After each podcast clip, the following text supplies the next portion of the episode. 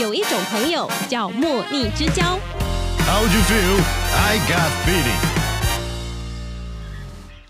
大家好，欢迎收听《莫逆之交》，我是小婉，我是小董。哇哦，今天好棒哦！跟我们全电台最帅气的、最神秘、最有才华的人一起来主持《莫逆之交》。应该我们要讲的那一位，应该才是你说的那一位才对啊。我跟你说，已经要消逝的人，他就不足以堪称最帅，留下来的才有帅气，帅的还很多了啊。真的。嗯好啦，像我们外面那几位在看的都是啊。董哥，你就一定要我讲出你是我心目中最帅的吗？没有没有没有，不用。我要告诉大家原因，纯粹是因为昨天晚上董哥请了我吃饭。好，董哥，我们今天茉莉之交的节目呢，这个茉莉之交的茉，就是我们要送给莫哥的一集节目，我们来分享一下吧。对莫哥的第一印象是什么呢？就是一位很很有个性，看起来外表就是很不一样的一位经理，跟各台的台长经理来比的话，应该是很不一样的。你第一次看到他的是什么时候？嗯，在我的印象中，第一次看到他应该是在我加班的时候，他来公司，可能早早之前董事长有一些事情要谈，所以我是看莫哥就穿的是一身运动服，就跟现在的风格差不多。差不多。对对对然后那时候你第一印象感觉是什么？就是觉得这嗯，就他很随性，感觉就看他穿着，因为其他人都穿的很正式，这样。嗯，他就很随性。对对对，他以后可以继续的随性下去啦。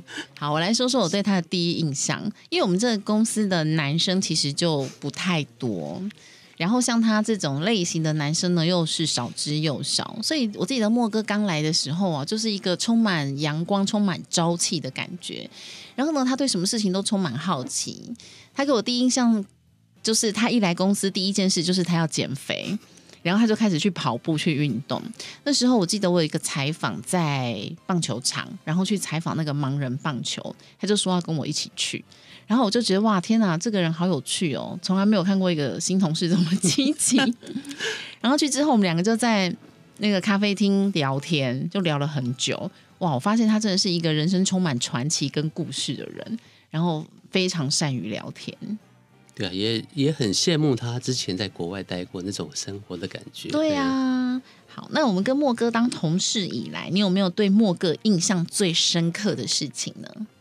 最深刻的事情就是是一位 很不一样的经理，就对了。嗯，因为他什么什么事都很很照顾我们同事、我们部门的同仁，什么都、都好，对不对？先生、嗯真的什么都好，所以我们应该什么都没问题，什么都没问题。我觉得这样真的很棒哎，就表示其实都有问题，但是他都有办法解决。嗯，对不对？对我觉得我对他印象最深刻的事情呢，就是我们一起做呃松烟黑胶展，我觉得那是一个一起圆梦的活动。对，因为其实在那个黑胶展、松烟黑胶展之前，我自己先在中山堂办了一个小型的黑胶展。我有印象，对，当时是几位年轻的同事大夜班，我们一起做。那后来公司决定把这个规模做得更大，然后那时候就大家一起讨论，然后把很多的企划、一些想法，然后真正的实现出来了。我就觉得说，天哪，他真的是可以成为我的偶像了。因为很多想做的东西啊，他真的不是那么容易实现。有一个最重要的原因就是钱。然后我觉得他最棒的一点就是他可以克服钱的这件事情，就是把钱都拿出来了。虽然我也不想问他钱是从哪里去拿出来的，但是他就是有办法。然后呢，这是我对他印象最深刻的就是那个松烟黑胶展，然后还去弄那那个很大的旋转木马，对，那个转盘，嗯然后还有跟人一样高的留声机，就是他想尽了所有办法去把这些东西弄来，然后做成了这个展览。我觉得是他自己，也是我们公司一个很值得的回忆。然后我也很荣幸，这当中的过程，我跟他一起参与一部分讨论。对，真身没有他，可能没有不会有这种展览，也会有这种规模的展览，这种规模真的很棒，你都不知道他背后，我觉得他就是喝水，应该那个背当都在流 流水吧。哎，我想请问一下，我们的节目是可以什么都讲的吗？真的随便乱讲都可以，真的吗？OK，好，制作人说都可以。那最后呢，董哥，嗯你想送给莫哥的话是什么呢？就当然就是祝他未来有一个美好的事业，对，嗯，朝他的理想去发展，这样。董哥还是要运动，还是要运动，天天还是每每天早上还是要去骑脚踏车。那接下来我想说的话，我觉得董哥你会不会翻白眼？因为我认识莫哥的时候呢，我跟莫哥两个都是单身，当时我觉得我们就差了那么一点点。就是不知道为什么，我可能穿的不够少，也不够瘦。